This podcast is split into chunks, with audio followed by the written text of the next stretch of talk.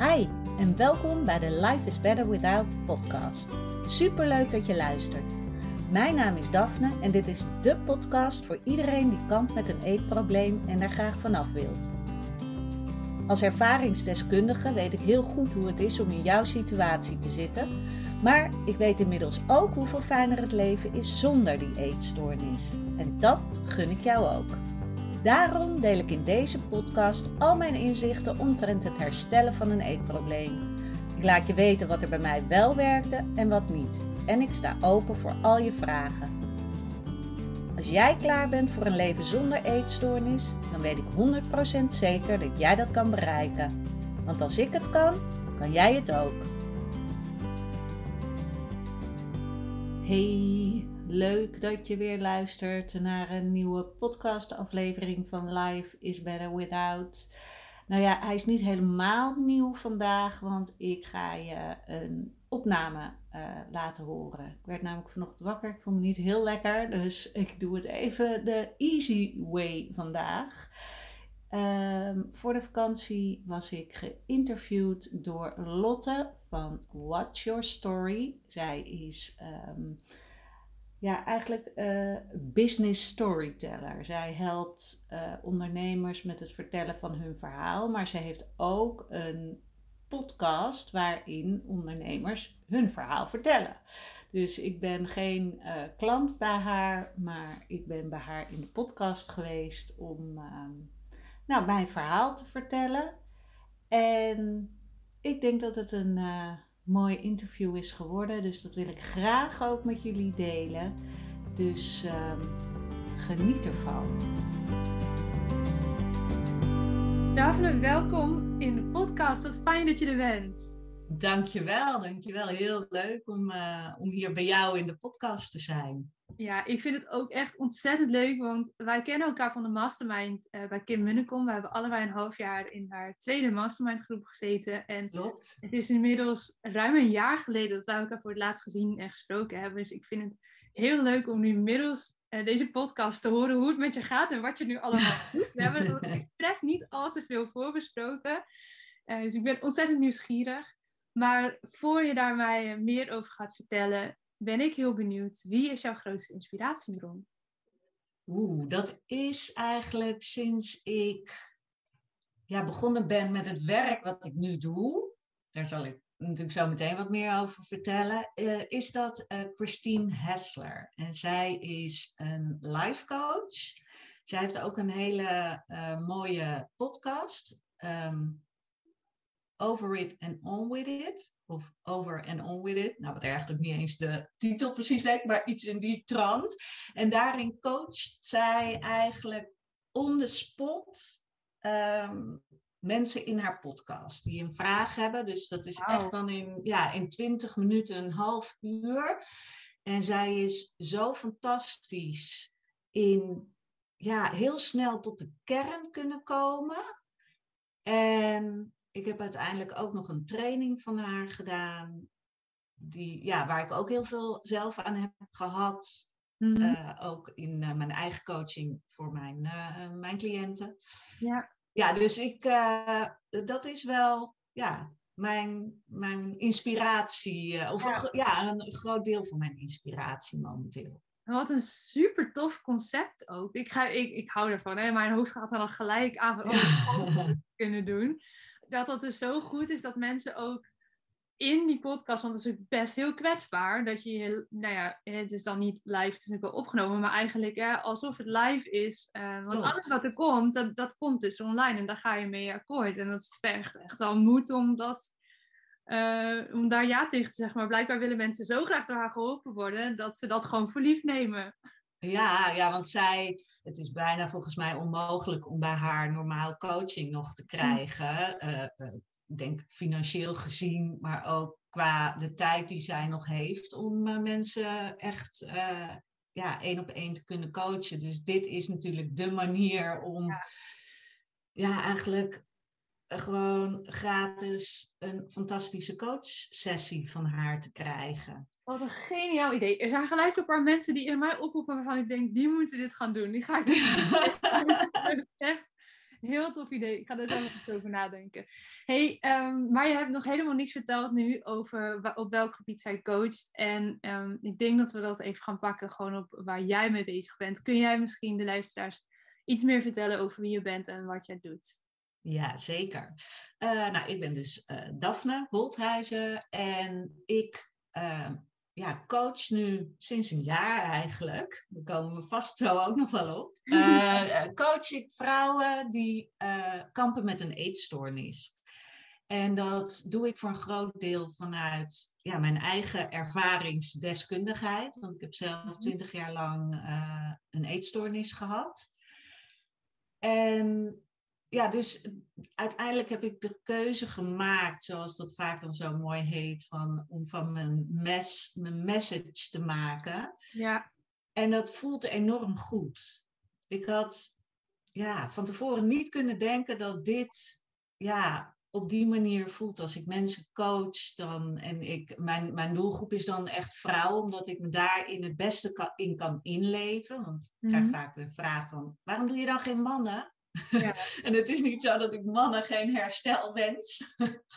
maar ik denk, voor, voor mij is het heel belangrijk dat, dat ik me goed kan inleven in iemand. En dat heb ik bij vrouwen natuurlijk ja, veel meer. Of iemand die zich identificeert als vrouw. Weet je, dat je daarin op dezelfde lijn zit.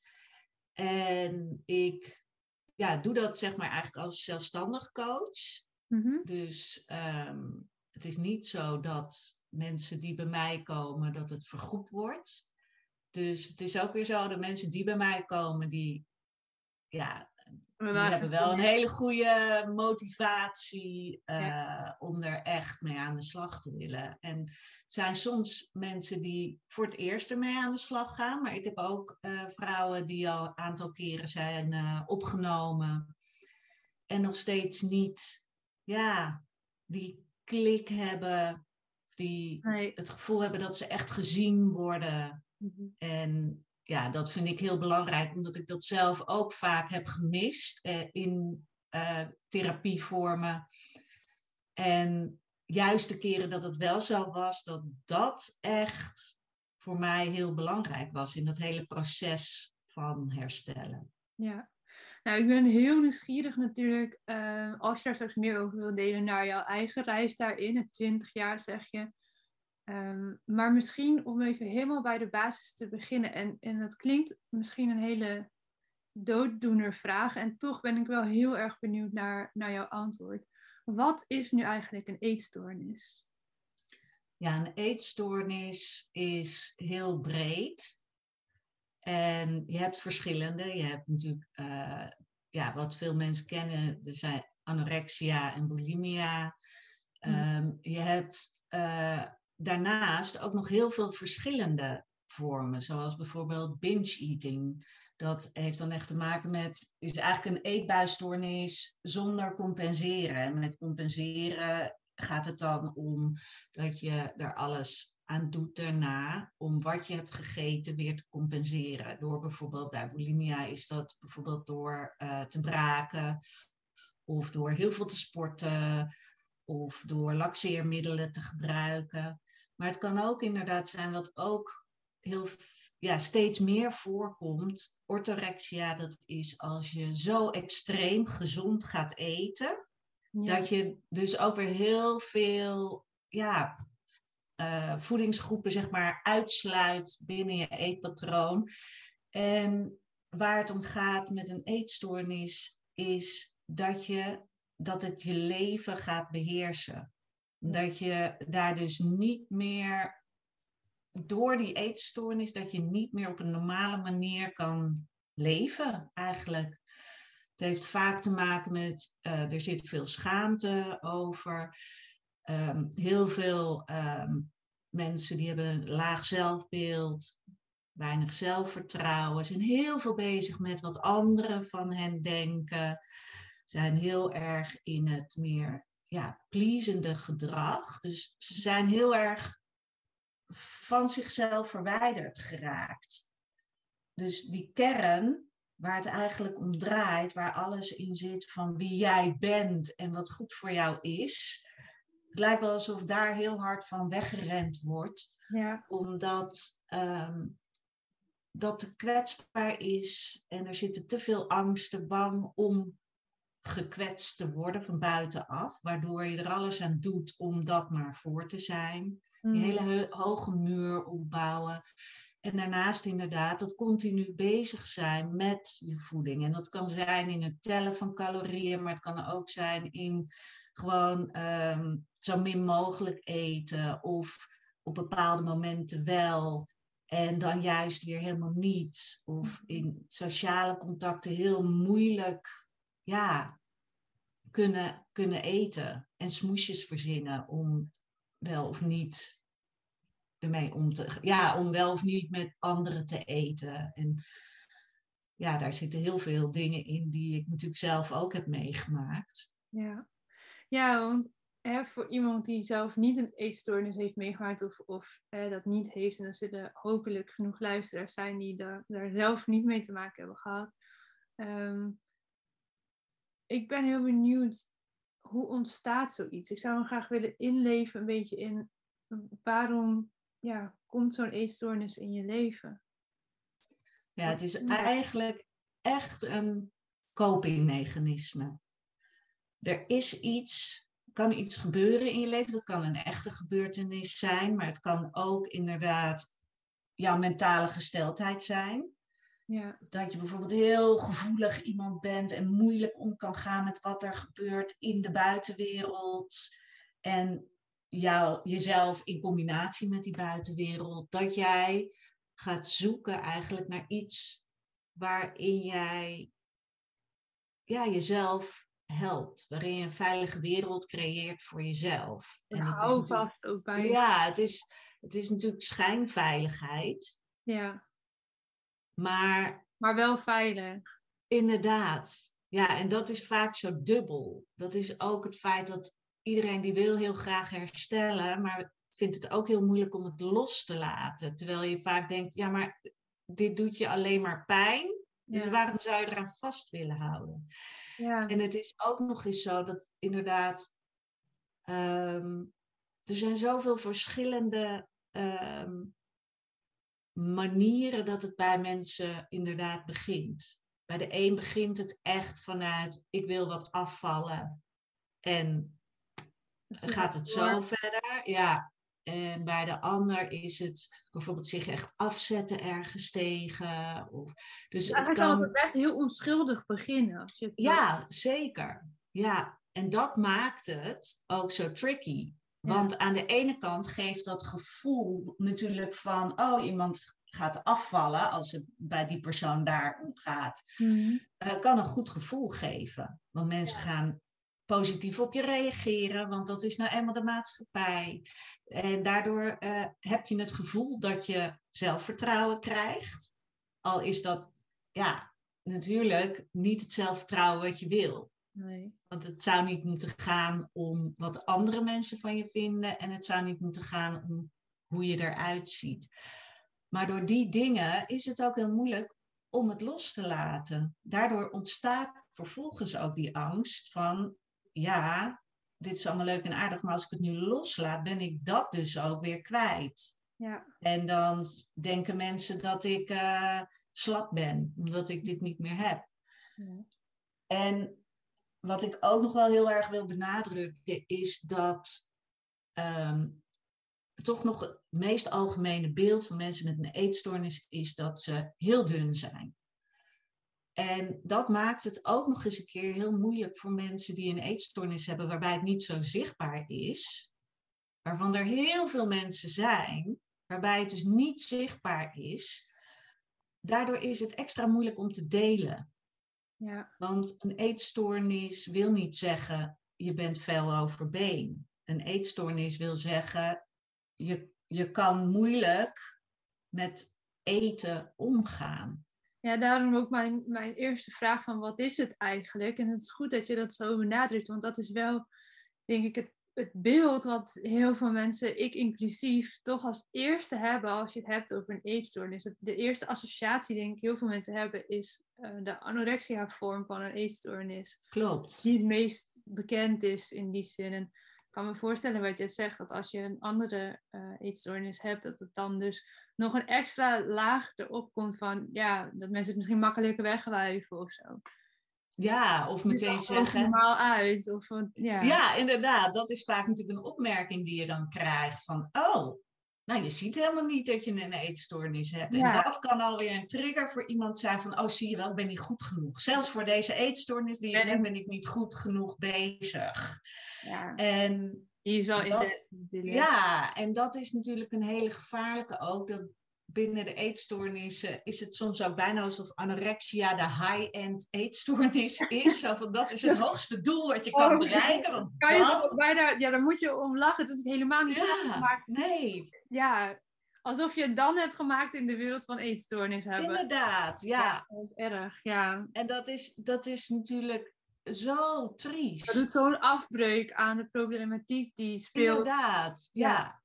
En, en, het, en het zorgt dus ervoor dat heel veel mensen niet aan de bel durven te trekken. Ja. dat... Omdat ze zich ervoor schamen dat ze niet een anorexia-lijf hebben. En dan anorexia, want mensen met anorexia zijn ook niet allemaal fel overbeen. Ik bedoel dan echt de, de, Nee, want het is allemaal ernstig. Ik bedoel, de mensen die echt fel overbeen zijn, dat, dat is wat dan ja. wordt gezien als, ja, als ik dat heb, dan mag ik om hulp vragen. En dat is zo funest. Ja. En dat is ja, wat ik zelf ook vroeger heb gehad.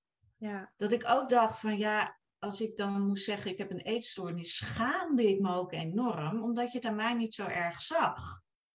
en de schaamte is natuurlijk al op dit onderwerp, is sowieso al aanwezig. Ja.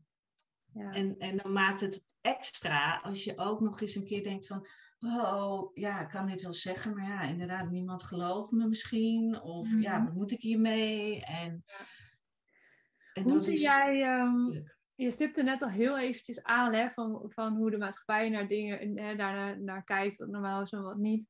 En dat de maatschappij, uh, nou ja, een, een, wat wij als slank lichaam zien, uh, dat dat de standaard is. En dan ben je dus uh, goed genoeg, zoals je dat al mooi zegt. Hoe zie jij de rol van de maatschappij die wij met z'n allen op dit moment hebben gecreëerd in deze uh, problematiek van eetstoornissen? Nou ja, dat is wel funest. Want overal waar je kijkt, en het wordt gelukkig ietsje minder, maar het is natuurlijk nog steeds dat alle modellen zijn gewoon heel slank. En nou ja, zoals ik al zei, het wordt iets minder. Er zijn steeds meer bedrijven die daar anders mee omgaan. Maar nog steeds ook op Instagram. Vooral al die jonge meiden op TikTok, Instagram, die volgen heel veel volgen dan die fit girls en die influencers. Mm. En die zien allemaal het zogenaamde perfecte plaatje waar zij dan ook aan willen voldoen. Ja. En ten eerste is het dan inderdaad social media, dat je niet weet wat er precies allemaal achter zit. Dus het is een wereld die wordt gecreëerd, die niet eens waar hoeft te zijn, die ze willen nastreven. En dat is het gevaarlijke. En, dat is, en, en het moeilijke is ook, daar kan je, je kan natuurlijk niet mensen gaan verbieden van ja, jij mag jouw Instagram profiel niet hebben, want je bent een fit girl en dit en dit en dit. Want er zijn ook heel veel mensen die zeggen, nee, maar die is juist heel gezond bezig. Weet je, er zijn zoveel verschillende meningen, maar het is wel dat heel veel, ook vooral de jonge meiden, worden daar wel mee geconfronteerd. Ja, ja wat dat ik dus ook heel opvallend vind als je gewoon een beetje door je Instagram scrolt en dan misschien niet per se de mensen die je volgt, maar gewoon hè, in, die, in die algemene zoekfunctie, als je dan niks intoetst, maar gewoon een beetje scrolt. Ehm, hoeveel vrouwen van, nou ja, pakweg uh, eh, 40 en naar beneden, hoe bijna identiek ze eruit zien tegenwoordig. En dan heb ik het niet eens per se over dik, dun, of, hè, maar gewoon puur de haren uh, en de gezichten waarvan alles gebeurt. En dat dat dus ook, hè, dat is ook met, met gewicht, denk ik, het geval van dat dat, dat zo'n soort van plaatje wordt geschetst van jou nou. En dan, als je daaraan voldoet en alles klopt helemaal, uh, dat dat dan een soort van ja, dan ben je goed genoeg of zo. Maar als je oor net een beetje scheef zit, of je neus is iets te lang, of je lippen zijn niet vol genoeg, ja, dan, dan ben je dat dus niet. Ja, ja, terwijl het is juist het mooie, want het, hoe saai is het wel niet dat er zoveel mensen nu op elkaar gaan lijken. Je ziet het inderdaad in sommige, uh, ik weet niet meer waar je dat nou had laatst. Of het nou een serie was, of ik weet het niet meer, een documentaire of zo. Ergens in Amerika, waar al die vrouwen op elkaar leken. Dat je ook echt denkt, oh my god, dit, dit is bijna eng. Waar is de, de persoon gebleven? Ja, ja. ja dus want ze, ze, doen al, ze doen allemaal iets. Ze spelen allemaal die rol van. En daarbij hebben ze dan ook nog heel veel ingrepen gedaan om, om die rol maar zo goed mogelijk te kunnen spelen. Terwijl, ja, het is zoveel leuker om verschillende mensen te zien. En, en het maakt ook heel erg, wat ik zelf ook vaak heb gehad, is dat je dat het zo normaal wordt gevonden dat je maar iets aan jezelf moet doen. En dat het ook bijna oneerlijk voelt als bijvoorbeeld dan iemand heel veel geld heeft en die kan dat allemaal doen en jij hebt het niet, dus je hebt daarin al een soort achterstand. Dat je daarin ook helemaal kan gaan hangen van, oh en daarom ben ik ook al niet goed genoeg, want ik kan, ik kan mezelf ik niet. Zoveel lagen. Ja, en, en ja, dat, dat is gewoon heel erg. En wat, wat ik ook wel een hele goede vind, wat wij bijvoorbeeld ehm, bij Kim ook wel hebben gehoord, Kim Munnekom, dat zij zei van ja, uh, ga de mensen volgen waar je echt blij van wordt op Instagram. Ja. 100 dus mensen maximaal, zei ze. Ja, inderdaad. Ja. Dan wil eens even een opschoning doen bij mij. Ik doe dat ook niet helemaal, maar wat ik wel doe, is dat ik soms weer even bewust ben van, oh ja, van welke mensen krijg ik een onzeker gevoel? Of welke mensen ehm, heb ik het idee van, oh, die zijn beter dan ik. Of, uh, of word ik misschien geïrriteerd omdat ze iets raken in mij en wat mij niet dient op dat moment. En dat soort mensen, inderdaad, moet je eigenlijk gewoon gaan ontvolgen. Ja, Want het, het, dient, ja, het dient je niet. En ga mensen volgen, helemaal als je inderdaad met gewicht bezig bent, ga mensen volgen die vooral daar niet mee bezig zijn met uh, hun gewicht en daar verandering in willen aanbrengen. Of ga juist inderdaad het tegen, de tegenpol volgen, die inderdaad veel meer bezig is met of body positivity, of inderdaad gewoon een lijf heeft wat, waar ze heel oké mee is. Want zodra je jezelf daarmee voelt, wordt dat een normaler beeld. Ja. En dat is ook heel belangrijk. Want het, zit zo in, het is zo ingeprent van hoe het zou moeten zijn, dat we het bijna eng vinden om onszelf in de spiegel te bekijken. En dat je al meteen denkt, ja, maar dit klopt niet. Nee, je moet eigenlijk bijna een nieuwe blueprint maken. Ja. Hey, hoe is dat bij jou geweest? Want jij zegt, ik heb twintig jaar te maken gehad met een eetstoornis. Kun je ons dus meenemen naar het begin van die stoornis, of misschien zelfs wel met de kennis van nu? daarvoor? Ja. Ehm, ja, het is bij mij denk ik gestart wel. Het, het, het, is een tweedeling. Het had deels inderdaad te maken met mijn lijf en deels al met mijn mentale gesteldheid, om het zo maar even zwaar te zeggen. Uh, ik was al vrij vroeg dat ik het gevoel had van ik heb een verdrietig gevoel. Wat achteraf gezien is dat, waren dat gewoon depressieve gevoelens. Ja. En heel erg ook het gevoel van ik, ik begrijp de wereld niet.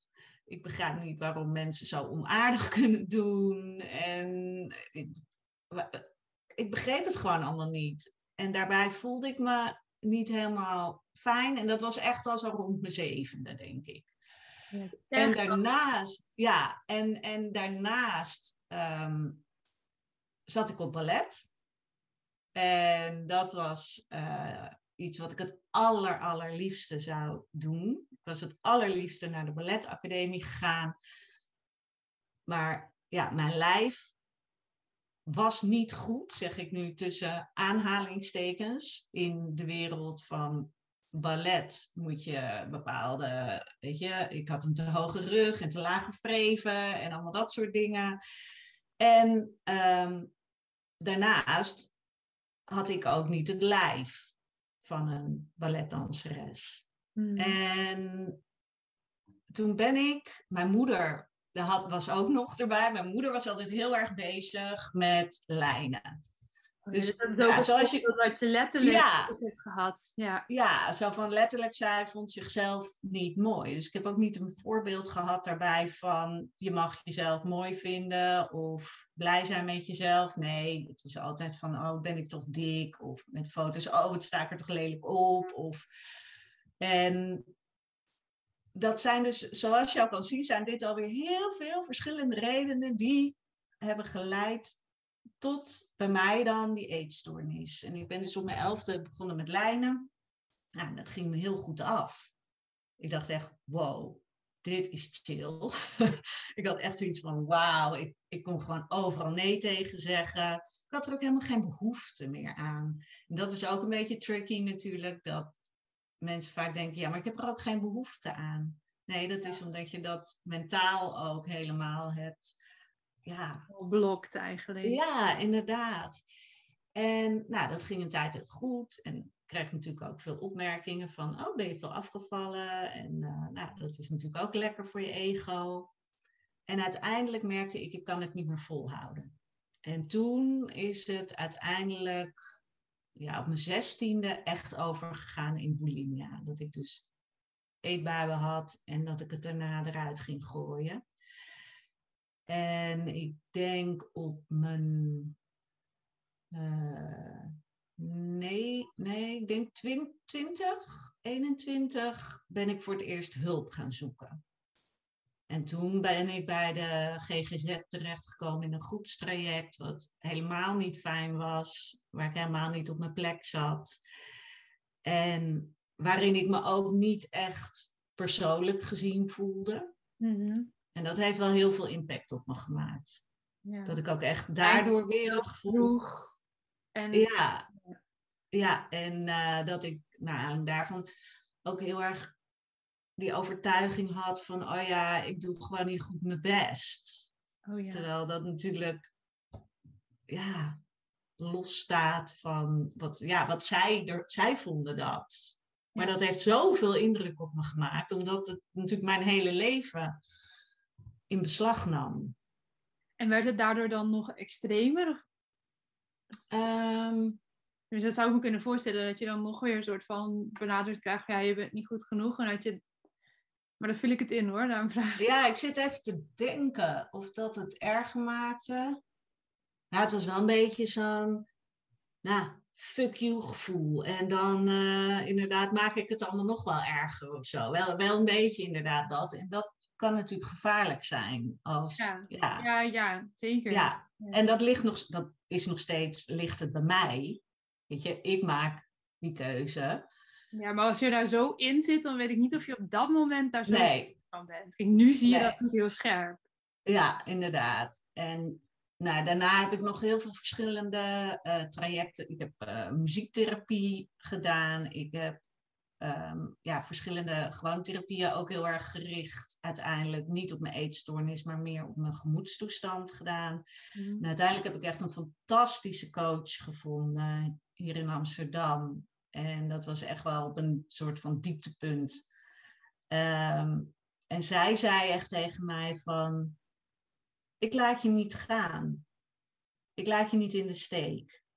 En dat had ik echt zo ontzettend nodig. Dat iemand zei, hier ben je veilig en ik laat je niet in de steek. En voor je, ik zie je echt. Ja, inderdaad. En dat is ja, wat, waar echt ook een omkeer is gekomen. En bij haar heb ik, is het kwartje gevallen ook van eigen verantwoordelijkheid nemen voor jezelf en voor alles wat je doet. Dat je het telkens terug kan leiden naar, oké, wat is mijn eigen aandeel hierin? En toen ik bij haar startte, dacht, heb ik ook besloten, wat ook weer een heel proces was voor mezelf, maar ik mag gelukkig zijn. Ik had namelijk nooit, ik had altijd mezelf gezegd, ik mag niet gelukkig zijn. Want dat zou betekenen dat ik mezelf misschien enigszins leuk zou vinden. En dat mag niet, want dat is egoïstisch. En ik mag niet. Ego nou, en dat, zo gaat dat dan een beetje in je hoofd. En toen heb ik besloten. Nou, dit werkt ook niet, want ik wilde wel me fijner voelen. Want dan, dus, dan ging ik ja, dat was wel een motivatie om iets ja. te betekenen.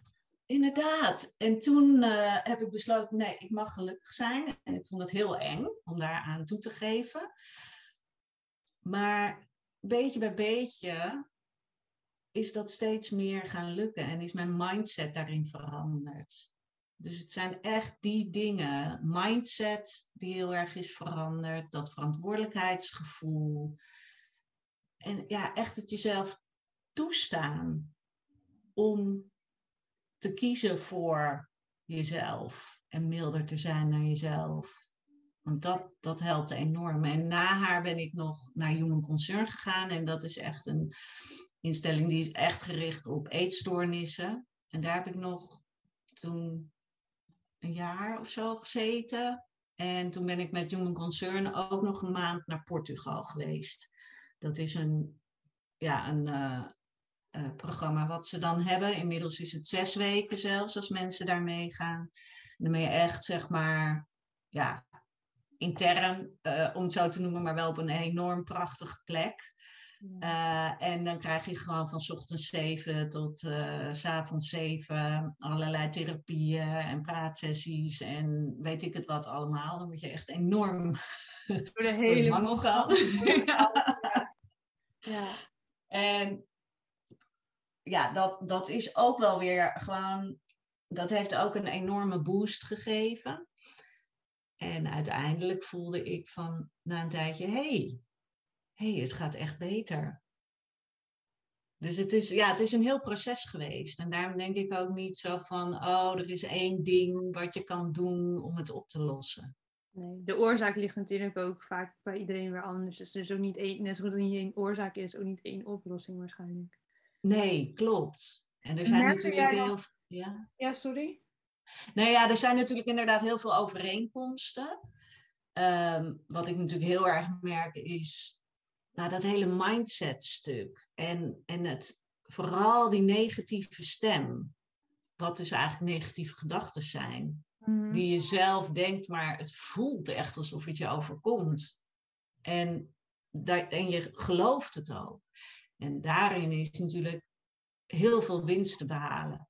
En dat is trouwens niet eens alleen natuurlijk bij mensen met een eetstoornis, maar bij mensen met een eetstoornis is het wel in de... In ja, ik heb het daar natuurlijk heel vaak over met, uh, met mijn business buddy Paula in de podcast, ja. James Coach. En uh, ook in onze straalangsttrainingen, ja, we zien dit natuurlijk uh, bijna bij iedereen. Hè, als je echt gaat kijken, hebben we allemaal bepaalde patronen die we in ons leven hebben ingeslepen, maar ook die we hebben meegekregen van ouders en grootouders, of nog generaties daarvoor. Um, waardoor je jezelf, wij, jij en ik, nu misschien vastlopen op bepaalde stukken. Ja. En ja, dat is niet per se alleen maar op het moment dat je een eetstoornis hebt. Maar nee, maar dat is inderdaad wel... wel een ding waar die ja. nog mee mag. Inderdaad, het is alleen inderdaad bij mensen met een eetstoornis is, dus, is het bijna nog in een soort overdrive, waardoor ze in een soort cocon terechtkomen en een wereld, de wereld, hun wereld, het klinkt een beetje, mijn wereld werd ook heel klein, weet je wel, de wereld wordt heel klein, omdat je zo bijna gevangen zit in, in die gedachten die maar blijven gaan en die, die gedachten die zorgen voor angst en vaak wordt het gezien als ik, voel, ik ben bang voor iets. Alleen dat bang zijn komt voort uit de gedachten die jij in je hoofd plaatst, waar jij in bent gaan geloven en die je niet los durft te laten. Ja. En is dat dan ook waar jij samen met jouw cliënten naar kijkt van hey, wat, waar zit die angel en om te zorgen dat je dat dus wel los kan gaan laten? Ja, ja. Daar, daar gaan we echt heel erg ehm, diep wel mee aan de slag. En dat is niet altijd leuk, want ik vraag ook echt van dat ze een tijdje gewoon al hun negatieve gedachten op moeten schrijven. Want vaak is het zo dat je niet eens bewust bent van dat je die negatieve gedachten denkt. En pas als je erop moet gaan letten, dat je denkt, oeh, oh my god, ik heb het zelf bij mezelf ook nog wel eens. Dat ik dan ineens denk, oh, oh jee. En dat je dus ook kan, dat je je gevoel gaat gebruiken als kompas in plaats van de dingen die je denkt. Het gaat om, als jij je rot voelt, dat je dan als het ware even terug mag denken van, oké, eh, is er iets gebeurd? Heb ik ergens iets op een bepaalde manier over gedacht? Wat mij niet dient, of waar ik een rotgevoel aan over kan houden, of gebeurt, is er iets wat er in de toekomst gaat gebeuren waar ik bijvoorbeeld heel zenuwachtig voor ben, of waar ik doemgedachten over heb. En zodra je daar bewust van bent, dan kan je daar ook dingen in gaan veranderen. Ja. En het is niet zo dat je probleem meteen is opgelost, maar je kan wel zien dat jij meer leiderschap hebt dan je denkt. Want jij bent echt de baas over wat je denkt. We al eerder over gehad van dat stukje van ja, zit je niet in je eigen slachtofferverhaal? En die is natuurlijk knetterhard als je dat uh, in, in perspectief zet van uh, ziektes of uh, in dit geval een eetstoornis. Als je nog niet zo ver bent dat je hem op die manier kan bekijken, dan, dan, kan, dan schiet dat totaal in een verkeerd keelgat natuurlijk. Terwijl ja heel vaak daar wel echt een kern van waarheid in zit. En dat zeg jij ook, hè, van die verantwoordelijkheid terugpakken, die regie terugpakken om te kiezen van ik, ik, wil uit dat ene verhaal en ik wil in een nieuw verhaal. Ja. Laat me daarbij helpen, want dat is zo'n vraag. En dus die, soms met kleine dingen kan je dat misschien zelf tackelen, maar als je daar zo in zit, dan is het logisch, denk ik, dat je iemand nodig hebt die je daarbij helpt, bij die transformatie, kan ik wel zeggen. Ja, zeker. Ja. ja, en helemaal als er bijvoorbeeld ook nog grote onzekerheid is, dan is het ook fijn om het even te kunnen toetsen zo nu en dan. Tot, tot op zekere mate. ja, ja, inderdaad. Ja, en verder gebruik ik ehm, in mijn sessies bij veel mensen ook de matrix-methode. En dat is een methode om echt, als bijvoorbeeld iemand nog heel erg last heeft van een bepaalde gebeurtenis uit het verleden, mhm. dat we daar zeg maar ook de angel uit gaan halen. De trigger waardoor jij je rot voelt. Of waardoor jij bijvoorbeeld in het nu bepaalde dingen projecteert op anderen. Of, uh, Waar moet ik dan aan denken? Bijvoorbeeld dingen van opvoeding, trauma's, gebeurtenissen. Ja het, kan dus, ja, het kan dus echt inderdaad bijvoorbeeld als je heel erg gepest bent vroeger. Ja. Of dat... Ehm, ik heb ook iemand gehad die had een heel ernstig ongeluk gehad vroeger, uh, waar ook uh, mensen zijn overleden. En wat, waar ze in het nu nog steeds moeite mee heeft. Wat heel logisch is. Op dat moment hadden ze geen controle en nu is de vorm van controle pakken. Ja, en dan met die matrixmethode ga je eigenlijk wel terug naar. Het lijkt een beetje op EMDR, alleen dan wel minder heftig voor de meeste mensen. Uh, omdat je echt. Ik heb mogen ervaren, een paar sessies. En dat, het was echt heel waardevol, maar ook heftig. En dan was het eigenlijk niet op zo'n soort trauma als wat jij nu noemt. Inderdaad. Ik wil niet vergelijken, maar ik denk dat er wel degelijk een verschil zit in de intensiteit van zo'n sessie. Al naar gelang waar je het voor inzet. Ja, zeker. En sommige mensen kunnen, kunnen het inderdaad niet aan, maar sommige mensen wel. En, en ik neem dan iemand mee door middel van vragen die ik stel. En we gaan echt kijken op alle zintuigelijke niveaus. Mhm. Waar er allemaal triggers zijn. En de persoon zelf kan dat dan in haar eigen hoofd gaan aanpassen. Waardoor je zeg maar uiteindelijk die herinnering op een meer neutrale of soms zelfs positieve manier terug kan plaatsen. Waardoor je niet meer telkens hier in het nu een nare beleving krijgt. Echt wel bij een echt... herprogrammatie. Ja, ja, zeker. En dat is echt heel bijzonder. Het is, ja. Uh, je moet wel visueel zijn ingesteld. Ik heb ook inderdaad iemand die kan niet visualiseren. Dat lukt niet en dan krijg je frustratie en dan werkt het. Ook interessant waarom dat niet lukt. Ja, inderdaad. Ook een laag, want volgens mij zijn mensen bij uitstek uh, beelddenkers. Ja, Alleen iedereen uh, tikt op die manier als, uh, hoe zeg je dat? Als nummer één manier, als prominente manier. Nee. Maar het is wel interessant waar, waardoor iemand daar niet bij kan. Ja, Nee, klopt. Ja.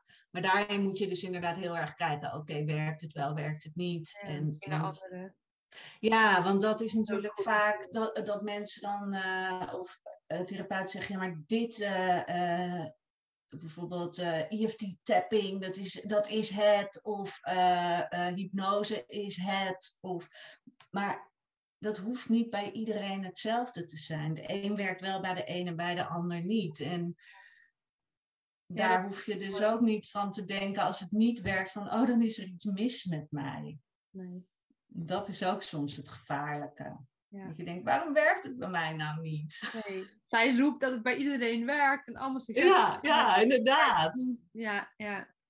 Hey, ehm, wat ik jou heel graag nog wil vragen, en dat is eigenlijk, eh, het zijn eigenlijk twee vragen. Want ik denk, de mensen die nu luisteren, er zal waarschijnlijk een groep zijn die zelf te maken heeft met een eetstoornis en daarna gaan zoeken, is gaan zoeken en onze podcast heeft gevonden. En een groep die daar misschien niet zelf mee te maken heeft, maar wellicht wel mensen in hun omgeving kent die daarmee te maken hebben. Ehm, ik zou heel graag ehm, van jou misschien wat handvatten of tips willen horen. Je hebt er natuurlijk al een heleboel gegeven in de loop van dit gesprek. Voor die beide groepen luisteraars. Want ik denk dat dat wel ehm, dat er een, een verschil in zit, misschien in hoe je eh, of dus goed voor jezelf kan gaan zorgen en daar een stap in kan zetten, of ehm, voor de dierbaren die misschien om jou heen staan, die je ziet struggelen. Eh, zullen Ja. we beginnen misschien met de luisteraars die zelf te maken hebben met een eetstoornis? Ja, helemaal goed. Ja, wat natuurlijk echt heel goed is, is kijk van ehm, welke hulp zou, zou bij jou passen. Want het is natuurlijk vaak zo, als je naar de huisarts gaat, dan word je gewoon naar één soort instelling, bij wijze van spreken, doorgestuurd. Maar Mm. kijk ook bij jezelf van wat ehm, past het beste bij jou. Want de een maakt het niet zoveel uit wie die krijgt als coach of therapeut. En de ander vindt het heel fijn om echt iemand te vinden die bij hem of haar past. Ja. En dat heb ik ook gemerkt. Dat, dat het fijn is als je bijvoorbeeld of via via over iemand hoort. Of, eh, en blijf dan niet hangen in, oh, het wordt niet vergoed door de verzekering. En dat is een hele moeilijke omdat het voor veel mensen zo is van, ja, maar ik kan er toch niks aan doen en dan wil ik er geen geld aan eh, kwijt zijn. Maar zie het ook echt als een investering in je eigen leven. Dat je hier sneller uitkomt. Ja. Dat als jij het niet in de, eh, bij een eh, verzekerde instelling kan vinden, of je moet daar nog maanden op de wachtlijst staan, zie dat niet als, oh, het is zeker niet voor mij, ik moet het zelf doen. Dus dat je inderdaad daarin ook in de slachtofferrol gaat zitten, maar dat je echt proactief gaat zoeken van, oké, wat, wat is er voor mij? Want ik wil echt hulp en dan is die er. Dat je dat zo gaat zien. Dus hou daar het vertrouwen in. Ehm, en verder, hoe moeilijk ook, neem iemand in je omgeving in vertrouwen. Als je het nog aan niemand hebt verteld, voelt het zo ontzettend eenzaam. Dus kijk wie je daarover wat kan vertellen. En daarnaast is het zo, wat ik vaak merk, is als, als je het eng vindt om over je eetstoornis te praten, en helemaal als je bijvoorbeeld wel eet en dat je je dan schaamt omdat je dan denkt van, ja maar dan denken ze vast, waarom eet ze nou? Want ik heb toch een eetstoornis. Nou, dat je allemaal dat soort uh, Ja, gevoelens ja. hebt. Dan, ja, dat, je, dat je bijvoorbeeld dan gewoon zegt tegen iemand, ik ben aan het herstellen van mijn eetstoornis. Ja. Dan, dat geeft jezelf al een soort gevoel van, hé, hey, ik ben er actief mee bezig. En het is, terwijl dat zou helemaal niet nodig hoeven zijn, maar het, het is voor jezelf dan ook fijn dat je, um, nou, dat, dat je omgeving kan zien, ja, tuurlijk moet ze eten. Of tuurlijk is ze aan het eten en wat goed. En dat je dan ook meer positieve steun krijgt en dat jij voor jezelf die schaamte weg gaat halen. Ja, hele mooie tip. Heel mooi advies. Ja, en verder nou, naar mijn podcast luisteren natuurlijk. Ja, Heb ik nog helemaal niet verteld, ja. Ja, dat Ik hebben heb we nog niet gezegd, maar jij hebt het Nee, bedenk ik me. Ja. onderwerp natuurlijk uitgebreid bespreekt. Dus ja, hoe vinden ze jou? Noem het gewoon even ongegeneerd. Eh, ja, dat is eh, Life is Better Without. En dat kan je vinden op Spotify, eh, iTunes en Soundcloud. En gemiddeld twee keer in de week komt er een nieuwe podcast online. Er staan er inmiddels, vandaag is nummer 98 online gekomen. Dat is echt niet normaal. Had ik nooit gedacht van tevoren. En ja, daar krijg ik hele mooie reacties op. Dus ehm, ik, zou, ja, ik zou het gewoon even uitproberen en je voelt of het wat voor je is of niet. En Ja. het zijn meestal ja, podcasts tussen de 15 en 25 minuten ongeveer. En ja, dus dat, eh, dat, ja, het kan, kan Ja. heel fijn zijn. Heel goed, want ik weet nog dat eh, toen wij elkaar in Limburg eh, troffen, dat volgens mij daar ook wel eens over is gegaan van ja, dat, eh, dat een podcast juist zo goed past ook bij jouw cliënten, omdat je het relatief anoniem kan je gaan luisteren. En wanneer jij er klaar voor bent, kan je op een gegeven moment je kenbaar maken van hé, hey, ik ben luisteraar en ik zou nu graag bijvoorbeeld door je geholpen willen worden. Of kan je me verwijzen naar iemand die mij hier of hierbij kan helpen. En tot die tijd kan je eigenlijk in de anonimiteit toch eh, die herkenning vinden en dat stukje eh, gehoord, gezien, gesteund voelen. In, ja, daar is een podcast natuurlijk zo'n prachtig medium voor.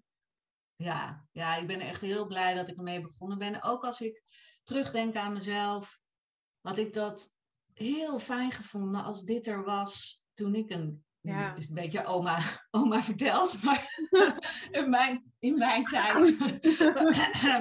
maar eh, ja, was podcasten natuurlijk nog. Ja, dat was er dat nog was er niet echt. Nee. En, eh, en ik was bijvoorbeeld wel eh, lid van de ehm, anorexia, bulimia. ehm, ik weet niet eens meer precies hoe het heet, een stichting die dan maandelijks een soort van tijdschrift had. En dat was voor ja. mij dus ook al echt die herkenning van, oh ja, ik ben niet helemaal gek. En er zijn meer mensen die dit hebben. En het is gewoon zo fijn om te kunnen voelen van, oh ja, zie je, iemand anders begrijpt, begrijpt mij. Ja. En dat, ja, dat, dat is het meest fijne, denk ik, wat je kan hebben. Zo van dat je voelt van, ja, je begrijpt mij.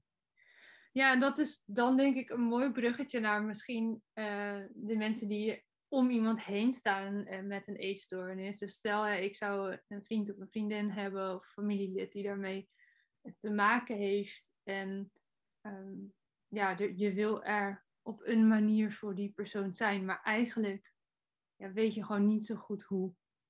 Nee. Wat voor ja, advies zou je dan willen meegeven? Hoe, hoe kan je er toch wel voor die persoon zijn? Ehm, in ieder geval luisteren en vragen stellen. In plaats van adviezen gaan geven en aannames hebben. Hmm. Ik merk zo vaak als het over eetstoornissen gaat, dat er echt zo'n lading standaard zinnen uitkomt bij mensen. Dat je echt denkt, "Oh, ja, dit is dus wat iedereen maar denkt en vindt. Maar bij iedereen, er zit enorme nuance in en bij iedereen is het anders. En nee, als je het niet hebt gehad en niet hebt, dan is het inderdaad niet te bevatten. Nee, want je kan tot een bepaalde hoogte, kijk, net als hoe wij nu in gesprek zijn, kan Ja, ehm, meegaan in jouw verhaal en, en probeer je daar probeer je te begrijpen of er iets van een voorstelling van te maken. Maar ik zou nooit kunnen zeggen, oh ja, ja ik begrijp inderdaad eh, wat je zegt. Of zeg maar, je, je, dat is een zin die je makkelijk zegt natuurlijk, maar eigenlijk bedoel je klopt. van ja, ik hoor je. eh, maar want echt begrijpen op, op dat niveau kan je het niet als je het zo Nee. Nee, en dat is inderdaad, denk ik, heel belangrijk. En ook dat je ehm, heel goed beseft dat een eetstoornis heeft geen bepaald plaatje. Ja. Het is niet één beeld wat er is. Er zijn zoveel mensen die inderdaad ehm, een eetstoornis hebben waarbij je het niet ziet of nooit verwacht. Of die gewoon, die je altijd ziet eten. Of eh, weet je, dat, dat er helemaal niks mis mee is. Of eh, die zijn gewoon altijd gezellig, maar je weet niet wat daarachter speelt. Dus ja, ik zou echt zeggen van blijf luisteren en vraag ook van wat, wat kan ik doen voor je? Wat vind je fijn? Vind je het fijn als ik er soms naar vraag of niet? Want ik heb het ook gehad dat ik het dan verteld had en vervolgens ging het er nooit meer over. Omdat het toch een taboe onderwerp Ja, weet je, het is, het is ook logisch. Ik vond het gek om te zeggen, nou, uh, ik wil het even hebben over mijn eetstoornis. Weet je, dan, dacht ik, dan krijg ik mijn mond niet uit en iemand anders vindt het ook lastig om erover te beginnen. Dat jullie dus eigenlijk misschien allebei juist wel prettig hadden gevonden. Ja, ja, inderdaad. En, en wat, wat voor mij trouwens heel erg heeft geholpen, is dat ik ehm, nu eerder zeg bijvoorbeeld, ik zit, ik, ik zit even niet lekker in vel. Of het gaat even niet zo lekker. En dat je vanuit daar dat kan. Als je, dus, als je het dus moeilijk vindt om echt zo te zeggen, nou, uh, ik wil het hebben over mijn eetstoor, alsof je een spreekbeurt gaat hebben. maar dat je inderdaad, ja, dat je gewoon spreekt vanuit je gevoel. Ja. Wat voel je? En dan kan je ook nog wel gewoon zeggen, oh, ik ben een beetje zagrijnig, want ik weet even, het zit even niet zo lekker. En dat je ook gewoon met iemand afspreekt van, als ik zoiets zeg, ja, dan heeft het waarschijnlijk daarmee te maken. Vind ik het fijn om even met je te kletsen. Weet je wel, dat je het op die manier een beetje. Ja, en ik denk dat als je hem omdraait, want dan moet het initiatief dus wel weer komen uit, zeg maar, van degene die het op dat moment even zwaar heeft en daar ja, klopt. behoefte heeft. Maar dat, wat, nou ja, wat ik van de andere kant zelf um, probeer, hè, als, als ik zie dat iemand, of dat, waar die ook maar mee struggelt, en uh, de opening geeft van, hé, hey, ja, ik weet eigenlijk niet zo goed hoe ik dit moet aansnijden, of ik vind het spannend, of ik weet niet zo goed of je überhaupt de behoefte hebt hier om te, over te praten, maar, en dan ik zie of ik hoor, uh, of ik voel dit en, dat dit en dit gebeurt. Uh, ja, dat is echt een hele mooie. over hebben. Uh, en dan ja. is nee ook een antwoord. Hè? Want ik wil niet ja. maar weet je, soms is het benoemen van dat je eigenlijk niet zo goed weet wat je moet vragen. Dat is ook natuurlijk heel vaak met rouw en verlies heel erg aan de Klopt. ja, ik weet gewoon niet wat ik moet zeggen. Want soms is dat zo in your face en zo, ja, word, raak je eigenlijk zo een beetje dichtgeslagen. Want wat kan iemand wel of niet horen? Wat is gepast? Wat is niet gepast? Maar dat benoemen vind ik eigenlijk al uh, ook weer vanuit de andere kant bekeken, dat, dat is vaak al genoeg. Ja. Ik weet gewoon niet wat ik moet zeggen. Ik, ik weet het ook niet, maar ik wil heel graag met je in contact of met je in gesprek. Ik weet niet of je daar behoefte aan hebt, überhaupt, of dat het mijn behoefte is. maar ik wil het in ieder geval wel gezegd hebben. Uh, ja, zo. ja, ik vind, ja, vind ik echt een hele goede tip. Dat, is echt een hele mooie. Ik spannend vind om iets aan te snijden. En ik ben tegenwoordig niet zo heel huiverig meer om iets aan te snijden. ik heb heel wat gesprekken hier in de podcast ook gehad. Dus ja. ik durf echt wel dingen te vragen. Maar uh, ja, ook ik weet soms niet of iemand de behoefte heeft om uh, iets te delen. Dat is dan vaak ook in je persoonlijke kring. Hè? En gewoon benoemen van, joh, ja, ik weet eigenlijk ook niet wat, wat ik moet zeggen. Want het is zo verdrietig of zo confronterend. Uh, ja, maar ik ben er. Ja. ja, dat is echt heel goed. En inderdaad vragen van, uh, wat is er iets aan de hand? Ja, of kan ik Wil je het, ja, inderdaad. Wat jij net al heel mooi zei. Gewoon ja. durf die vraag toch maar wel te stellen. Ja. En, en ben Ja. oké met als het antwoord nee is. En Dat ook, ja. geef een vervolger aan als er dus een antwoord komt. Want die Klopt. is wel cruciaal. Wat jij net zegt van ja, dan, dan geef je een antwoord en dan vervolgens komt er niks. Ja, die is natuurlijk zeker ook, als jij dat hele plaatje zo hebt geschetst van een eetstoornis, eh, dan kan je ook meer kwaad dan goed doen in die zin. Ja, Ja, en dan is het ook heel makkelijk voor iemand om weer terug in zijn schuld te kruipen. Want, oh, nou, het gaat er toch niet over. Nee, precies. En wat ook nog één tip is, misschien is dat niet voor iedereen zo, maar ga niet als iemand met een eetstoornis net aan het eten is, vragen, hoe is het met je eetstoornis? Oh, ja. En dat klinkt misschien heel stom, omdat voor mensen het zo is zo van, oh ja, eten, oh, ze had een eetstoornis, ik ga er even naar vragen. Maar dat kan echt ook weer die heb ik namelijk vaak meegemaakt.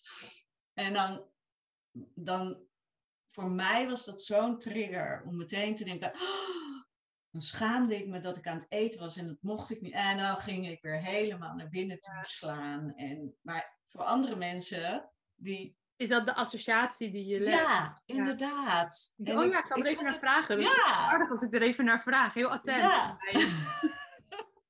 Ja, dat is echt een hele goede Ja. Want daar denk je denk ik niet over na als je dat zelf niet hebt ervaren. Nee, terwijl dat hele eten is juist voor iemand met een eetstoornis vaak een enorm ding. Ja. Dat, dat je het doet in, in bijzijn van de anderen. En helemaal ook al voel je al bijna helemaal hersteld. Ik, zou, ik vind het nu nog steeds niet heel fijn als ik aan het eten ben. Om het daar dan over te hebben, als het echt persoonlijk wordt. Ik heb er nu veel minder moeite mee, maar zelfs dan kan het soms nog eens getriggerd worden van, oh, ik weet nu wat ik daartegen kan doen en hoe ik daarmee omga en heeft het geen impact meer op me. Maar kun je nagaan hoe het dan is als je er nog zo middenin Ja. zit. Dus dat, ja, die, die tip wil ik ook Nou, dat is meegeven. om weer af te sluiten. En een hele Ja. belangrijke. Ga inderdaad wel lekker eten, maar ga niet op dat moment eh, Nee. drukken op die zere plek. Hey, mag ik je ontzettend bedanken voor dit prachtige gesprek en alle ehm, persoonlijke ervaringen die je hebt gedeeld, maar ook alle kennis en kunde die je met ons hebt gedeeld. Ik denk dat dat mega waardevol is. En eh, ik hoop dat de podcast goed gevonden zal worden en daarmee ook jouw podcast voor eh, ja, jouw cliënten en misschien toekomstige cliënten goed gevonden zal worden.